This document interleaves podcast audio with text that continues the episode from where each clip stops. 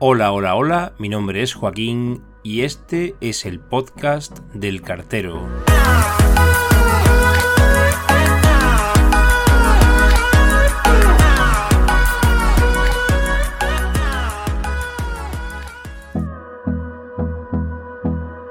Bienvenidos a este espacio que va a versar sobre temática postal.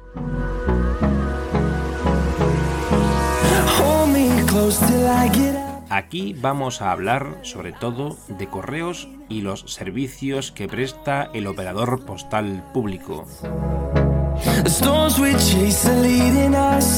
También de sus empleados, sobre todo del cartero, que es el que da título al podcast.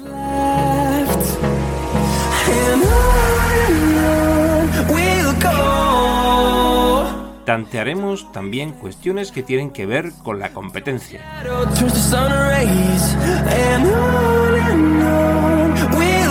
Contaré historias propias, anécdotas e intentaré responder a las dudas que me plantean a diario en la calle.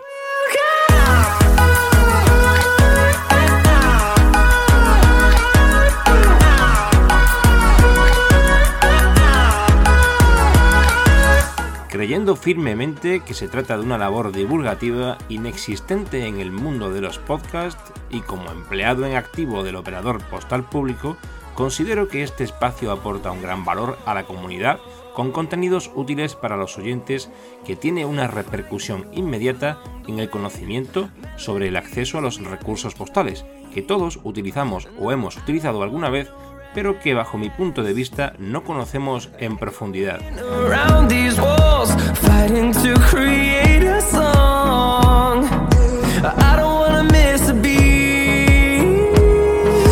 Esperando que os guste y paséis un rato entretenido, os dejo ya con el primer episodio.